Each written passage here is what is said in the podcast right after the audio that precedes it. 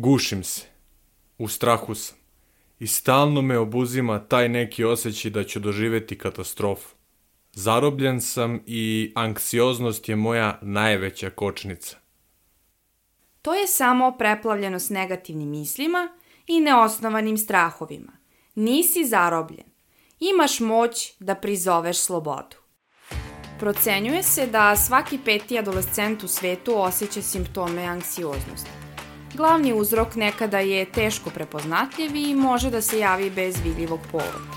Neki od čestih pojava u periodu razvoja i formiranja naših ličnosti su strah od opasnosti, koja često nema realnu podlogu i koja je samo percepcija od strane adolescenata i tinejdžera.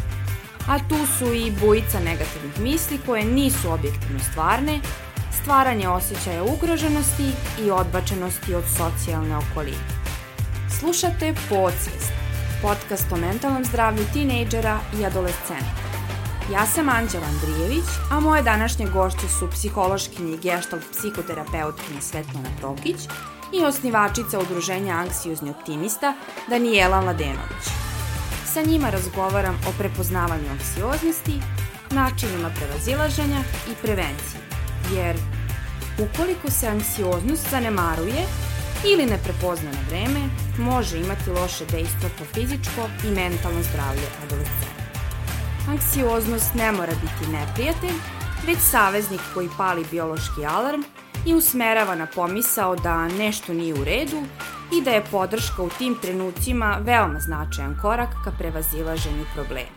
Anksioznost je stanje u kome osoba osjeća strah, strepnju, nemir i odbojnost prema nekoj nejasnoj opasnosti, objašnjava psihološkinja i geštalt psihoterapeutkinja Svetlana Prokić. Anksioznost je generalno povezana sa jednim o, osjećajem gubitka povezanosti sa svetom ili sa nekom grupom u kojoj se nalazimo, a e, to je ujedno jako važna potreba u adolescentnom periodu, da pripadamo određenoj grupi i da se osjećamo da smo zaista prihvaćeni. Ukoliko toga nema, često u stvari se pojavljuje anksioznost. Anksioznost je opozit u stvari sigurnosti, a sigurnost je neophodno iskustvo za naše bivanje i funkcionisanje u svetu. S obzirom da je veoma neprijatno osjećanje, svako želi da pobegne od njega i to je nekako prva reakcija kada smo u dodiru sa anksioznošću. Osnivačica udruženja Anksiozni optimista Danijela Mladenović se dugi niz godina borila sa jednim od težih oblika anksioznosti, agorafobijom. Strah od otvorenog prostora i javnih mesta – se naziva agorafobija. Stalno se suočavala sa nekontrolisanim strahovima, preplavljujućim telesnim simptomima, potiskivala je problem do momenta kada je čvrsto rešila da se sa njim suoči. Ne krene odmah kod e, težeg oblika, znači kod mene se to onako postepeno javljalo i razvijalo. Meni je krenulo sa preseljenjem u veliki grad valjda i sa tim procesom odrastanja i sa tim da si sam, da moraš sam da vodiš računa o sebi, da se brineš, da si odgovoran. Eto, negde je moje bilo ono što nam kažu uglavnom roditelji, tvoje je samo da sedneš i da učiš. Ali u njenom slučaju to nije bilo baš tako. Javili su mi se ti prvi simptomi. E sad, ti prvi simptomi su bili strah eh, od nesvestice i onda sam ja polako krenula uh, da e, izbegavam određena mesta.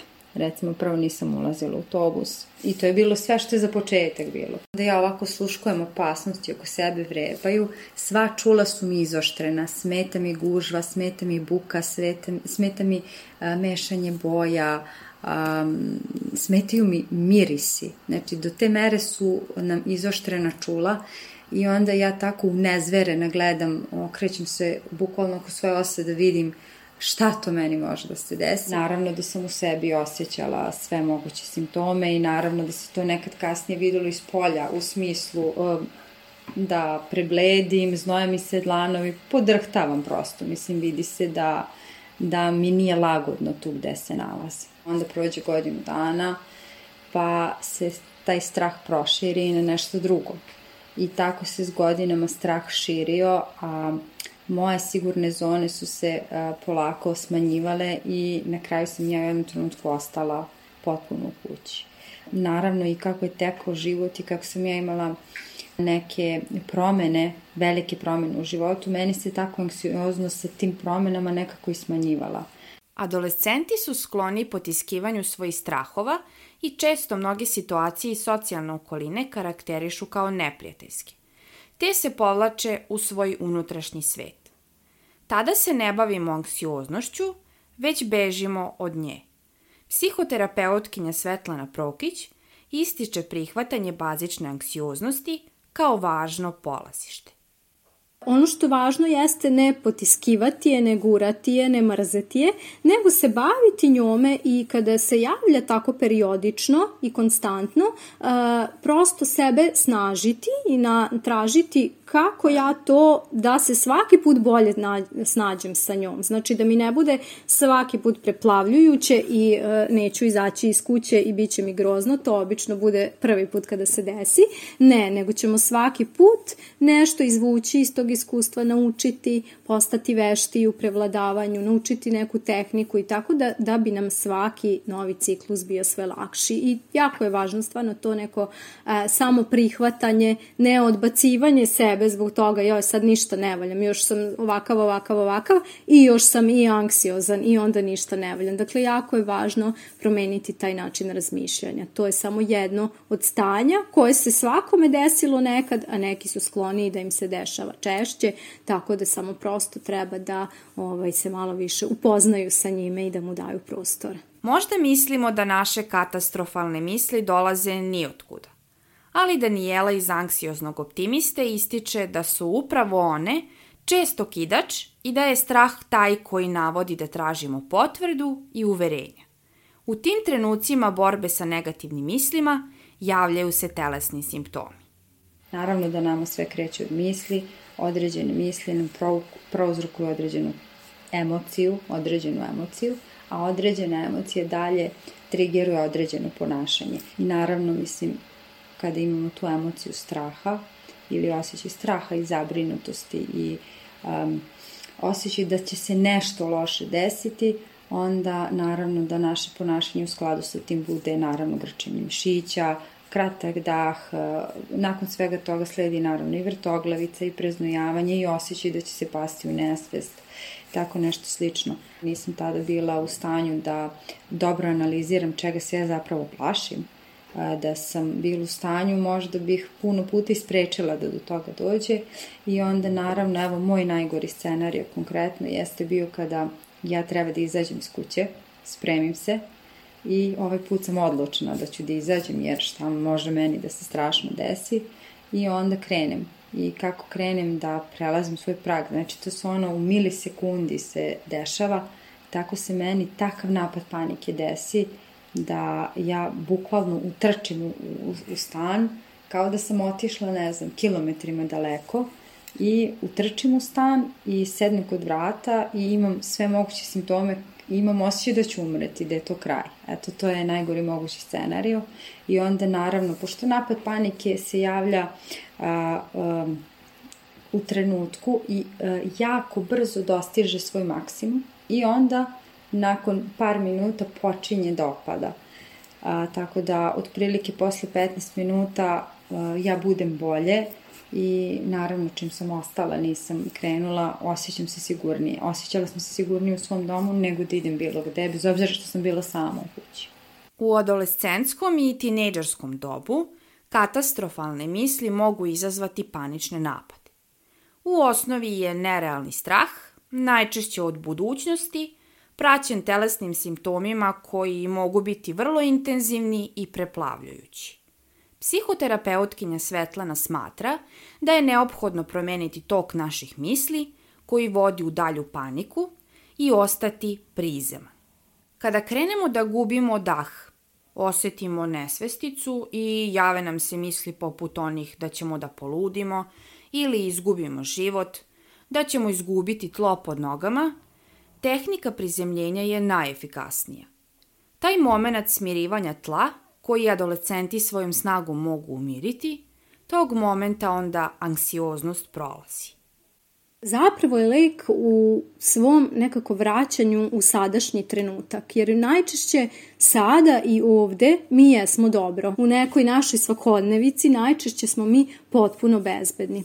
I onda je važno vratiti se u sadašnji trenutak tako što ćemo uključiti svoja čula, tako što ćemo usmeriti pažnju na sve ono što možemo da vidimo, zatim ono što možemo da čujemo, zatim ono što možemo da dodirnemo i zaista sami sa sobom umesto da mislimo šta može da se desi, da li ću sada padnem, da li će sada, ne znam, da se onesvestim, sad ću imati srčani udar, to su česte misli kod paničnih napada, znači vraćamo se sada i ovde i uh, bukvalno nabrajamo šta vidimo oko sebe, sami sebi. Kada smo usmereni na ono što je oko nas, mi nemamo vremena da mislimo te katastrofalne misli. A onda, recimo, u procesu terapije možemo da rekonstruišemo te misli i da do njih uopšte ne dolazi. Pisanje dnevnog inventara svojih misli veoma je popularna i korisna tehnika koju adolescenti mogu praktikovati u borbi sa anksioznošću, ali je važno napraviti red kako bi se unapredio kvalitet života i sprečile posledice, smatra psihoterapeutkinja Svetlana Prokić uzeti taj papir, sveščicu i pisati, pisati, pisati. Naročito je korisno ujutru kada se tek probudimo i nekako bez cenzure samo izbacivati na papir ono što nam dolazi u misli i pokazalo se da zaista nekad u tim ovaj, e, spisima našim koje napravimo možemo pronaći zaista korisne vodiče eh, ka tome šta nam je anksioznost uzrokovalo i onda ovaj, eh, sa tim možemo lakše da izađemo na kraj. Vođenje jednog, kako bih rekla, dobrog života u smislu smislu nekih dobrih navika, spavati dovoljno sati, piti dovoljno vode, jesti redovno i jesti zdravo, izbegavati energetske napitke, kofein, to je ono što pokazano utiče na pojačanje anksioznosti uh, i ubaciti naravno fizičku aktivnost koja je od onako neizmerne važnosti kod anksioznih poremećaja, kod paničnih napada ovaj, i pokazala se kao nešto što je, što je stvarno važan element. Eto, to su tako neke jednostavne stvari na koje svi zaborave kada se nalaze u jednom anksioznom stanju i ne mogu nekako da se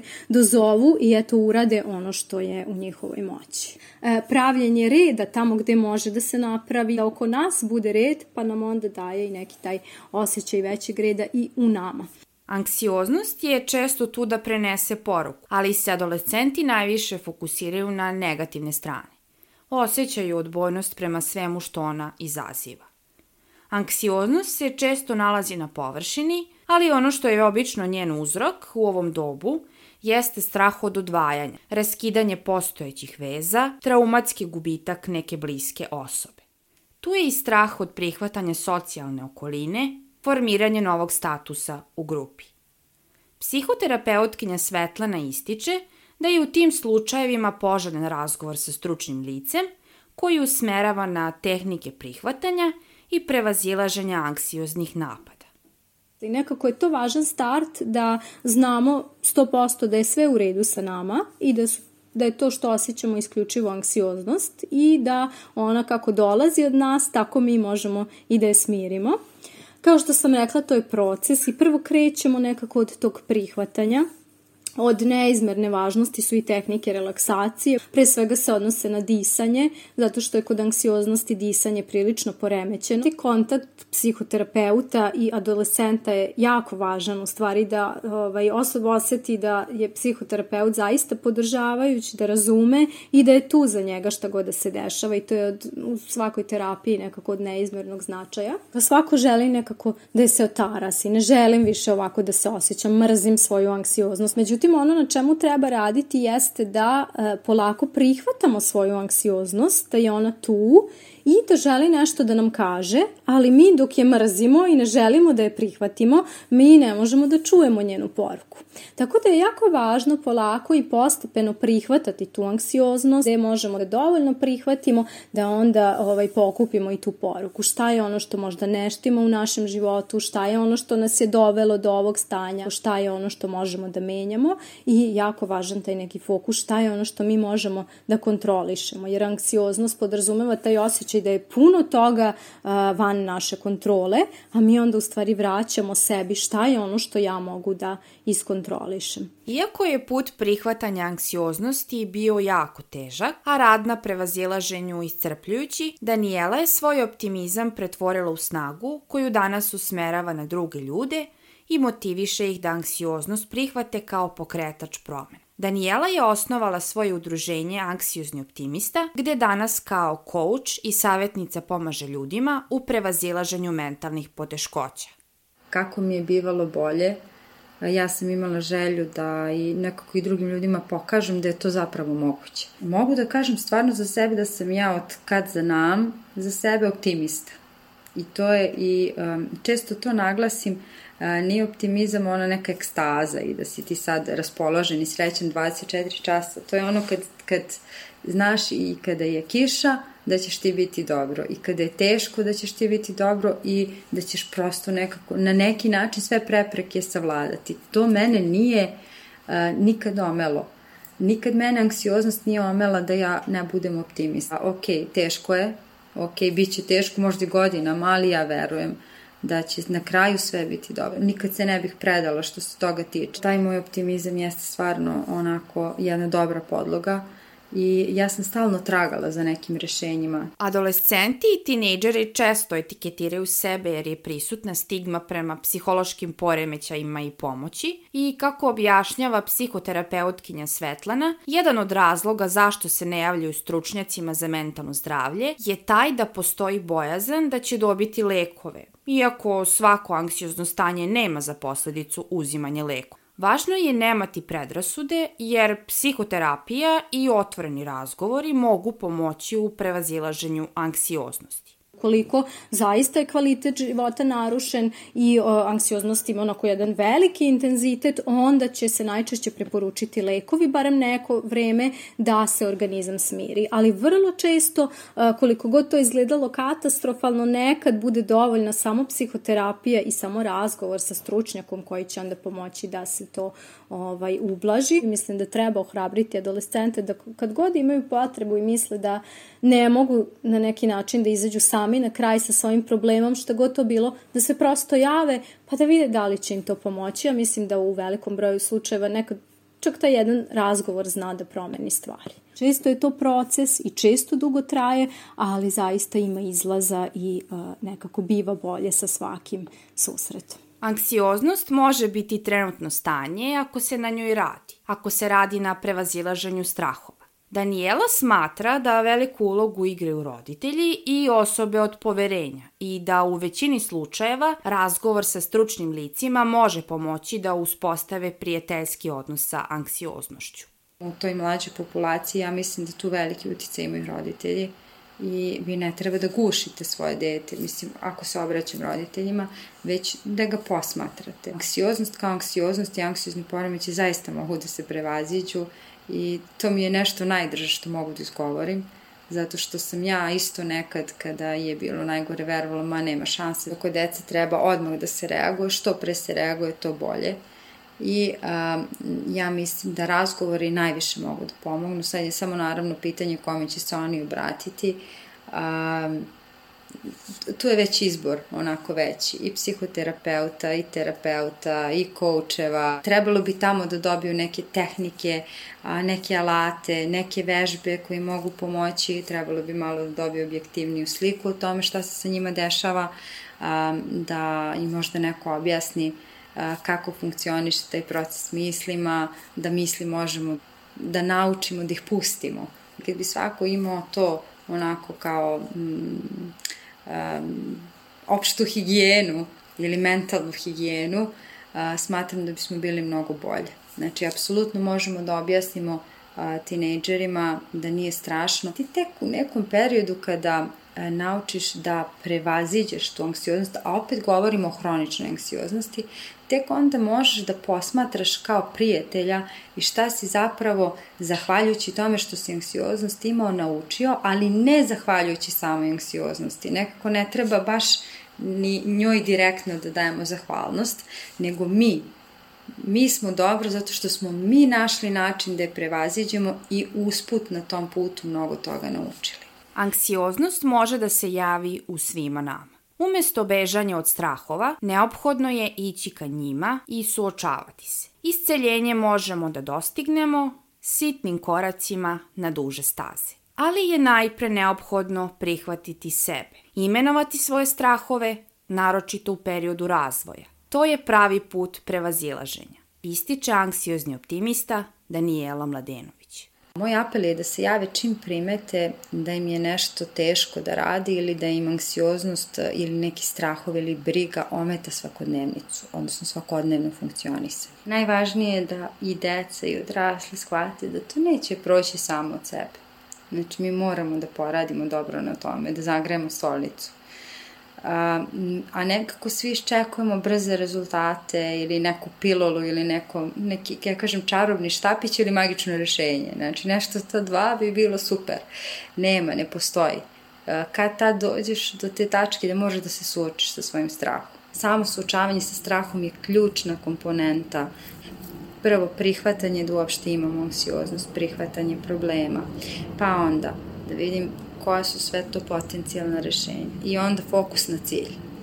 Ne na anksioznost, ne na strahove, ne na senzacije, ne na simptome anksioznosti, nego na cilj. Čega se oni boje? Oni su u stvari boje osude tih drugih ljudi ili e, šta će ko da pomisli o meni, šta će ko da kaže. Ja bih tu najviše radila na jačanju samopouzdanja.